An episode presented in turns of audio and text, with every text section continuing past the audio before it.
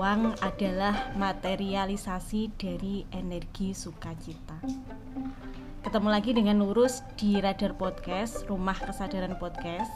Pada episode kali ini kita akan membahas tentang melampaui kemiskinan. Jadi sobat Kismin yang punya hutang, yang punya cicilan, mari merapat.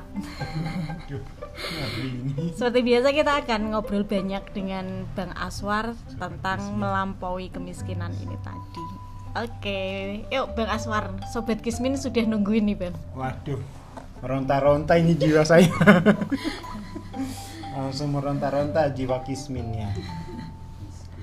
Jadi uh, topik melampaui kemiskinan tentu saja dari perspektif spiritual ya. Jadi uh, perspektif spiritual itu berfokus kepada uh, hadir atau tidak hadirnya nilai-nilai spiritual di dalam kehidupan kita dan tentu saja uh, apa pembahasan-pembahasan spiritual kita kita coba uh, apa istilahnya kita coba sejajarkan dengan peta kesadaran David R. Hawkins. Jadi di dalam peta kesadaran itu kan dia kemiskinan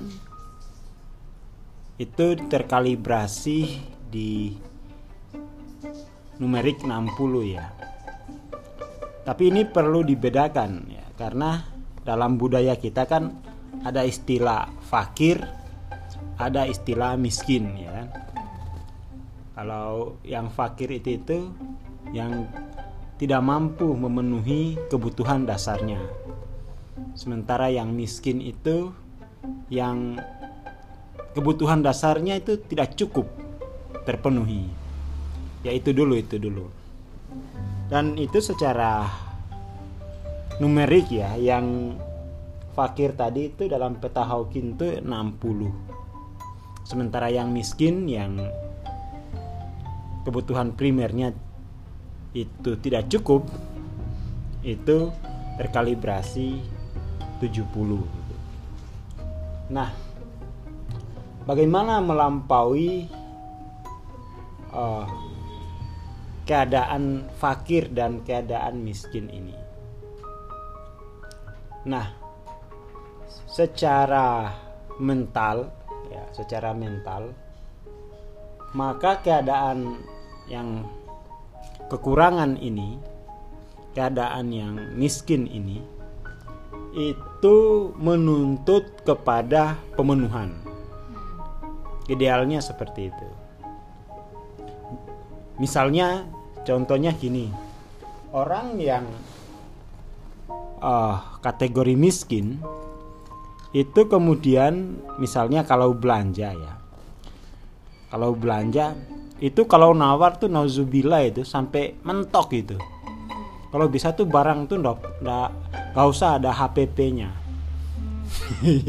ya diambil gitu aja gitu. Jadi itu kan apa tawar menawar semacam itu sebenarnya uh, itu adalah bentuk dari pemenuhan ya pemenuhan yang berangkat dari rasa miskin atau rasa fakir tadi. Dengan melakukan tawar menawar kemudian uh, energi kekurangan tadi itu energi yang 60 70 bergerak ke 125 hasrat pemenuhan. Naik ya? Ke desire naik. Tetapi tentu saja itu oh, belum cukup untuk melampaui kemiskinan itu. Akhirnya hanya berputar-putar di situ. Atau paling banter atau paling banter uh, jika misalnya orangnya nekat maka hasrat fakir hasrat miskin tadi itu dilampaui dengan kemarahan dengan cara misalnya gini orang belanja di pasar ini telurnya berapa sekilo? Oh ini telurnya sekilo 25 ribu. Loh kok mahal? Ini gara-gara Pak Jokowi ini. Sejak Pak Jokowi naik semua harga-harga naik termasuk tekanan darah saya juga naik. Lah itu biasanya kalau berani. Jadi itu contoh-contoh bagaimana uh, program mental ya melampaui uh, rasa fakir dan rasa miskin itu. Dan tentu saja sebenarnya ya kalau secara progresif kenaikan dari 60 ke 70 atau dari 60 ke 125 120 itu kan uh, lebih baik lah daripada dia terus-menerus mengutuk diri ya. Tetapi kan juga tidak menyelesaikan masalah itu.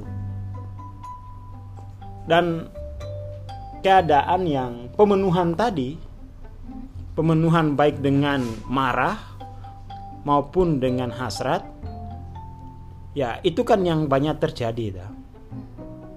termasuk perilaku misalnya apa ya suka mencicil. Itu kan sebenarnya bentuk pemenuhan itu. Pemenuhan. Jadi pemenuhan itu karena anda bisa dibayar cash maka pemenuhan rasa nikmat itu dicicil per bulan gitu. Seperti itu nyari diskon itu termasuk ya? apalagi oh gitu ya itu justru adalah bentuk lain dari menawar itu tadi ah, ah. menawar mencari diskon ya kan? dan platform-platform marketplace itu tahu betul ya hmm. tahu betul bahwa di masyarakat kita uh, jiwa fakir, jiwa miskin ini kan uh, apa ya menguasai masyarakat kita. Statusnya itu pandemik. Jadi jiwa miskin, jiwa fakir itu itu pandemik. Bahkan menguasai seluruh dunia. Dan ini sebenarnya lebih berbahaya ya daripada uh, pandemik sekarang ini COVID-19 ya. Karena apa? Uh, COVID-19 itu entah hari ini, entah besok, satu saat lah dengan kemajuan uh, dunia kedokteran itu akan ketemu vaksinnya. Tetapi kemiskinan ini nggak ada vaksinnya, nggak ada vaksinnya ini. Bahkan uh, Sayyidina Ali, Sayyidina Ali itu uh, suaminya dari suami dari siapa tuh Fatimah Zahra ya putri Rasulullah itu pernah menulis bahwa seandainya kemiskinan itu adalah manusia maka Sayyidina Ali yang akan memenggal lehernya sehingga kemudian kemiskinan itu maksudnya oh, anu ya yang di energi kemiskinan itu itu tidak menjadi pandemik. Ya tidak menjadi pandemik. Seperti itu.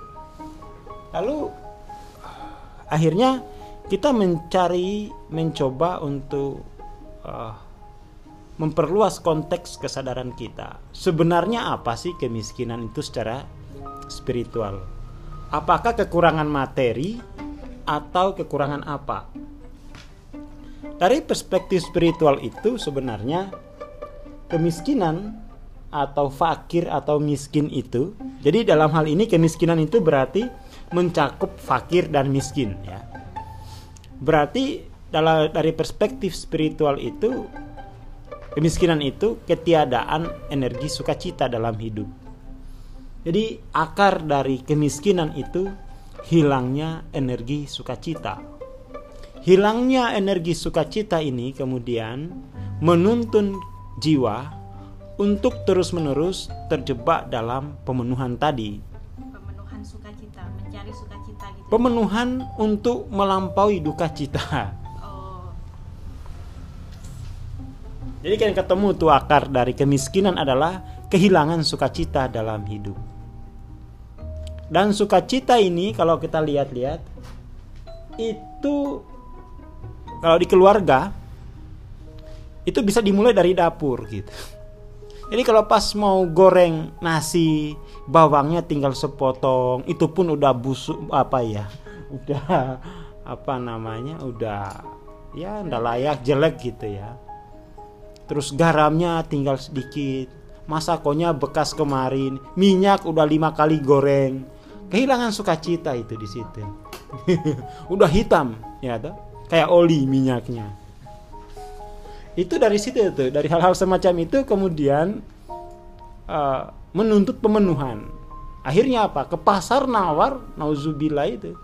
Kalau nggak bisa nawar Pak Jokowi yang salah kalau paling enggak ya corona.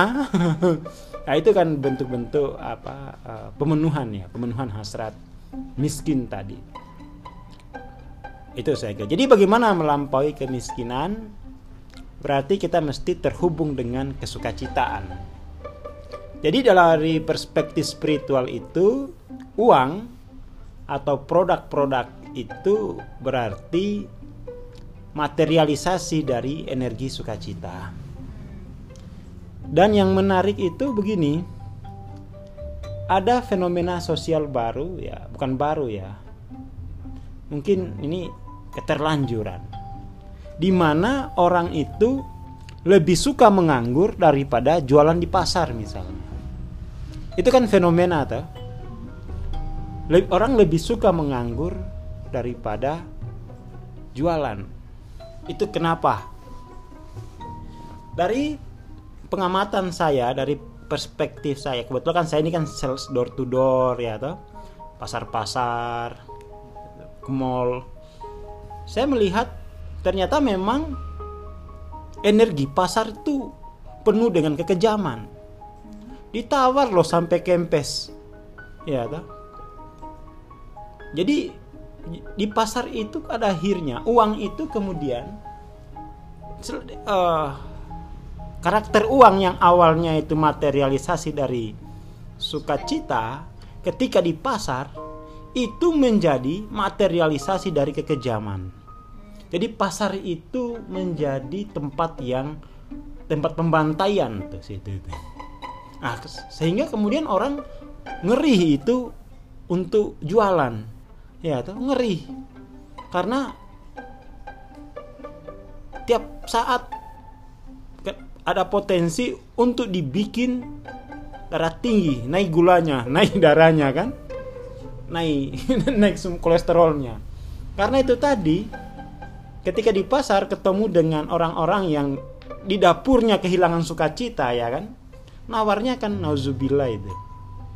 Jadi ini pandemik ya pandemik pandemi. Dan uh, solusinya adalah menyadari bahwa kemiskinan itu bukan ketiadaan harta benda, tetapi uh, ketidakterhubungan dengan sukacita.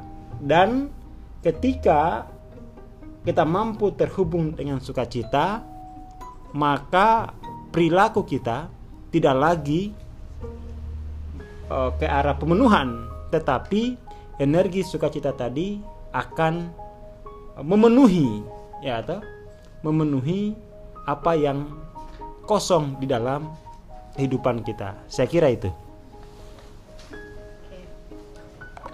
Pesannya adalah terhubunglah dengan sukacita. Atau menawar jangan sampai kempes. Tawarlah sewajarnya gitulah ya. Tawar dan usahakan tuh ditanya ini masih untung apa tidak. Oh, masih untung atau tidak, masih cukup atau tidak untungnya. Mm -mm. Gitu ya. Oke, untuk episode kali ini cukup sampai di sini. Sampai ketemu di episode selanjutnya.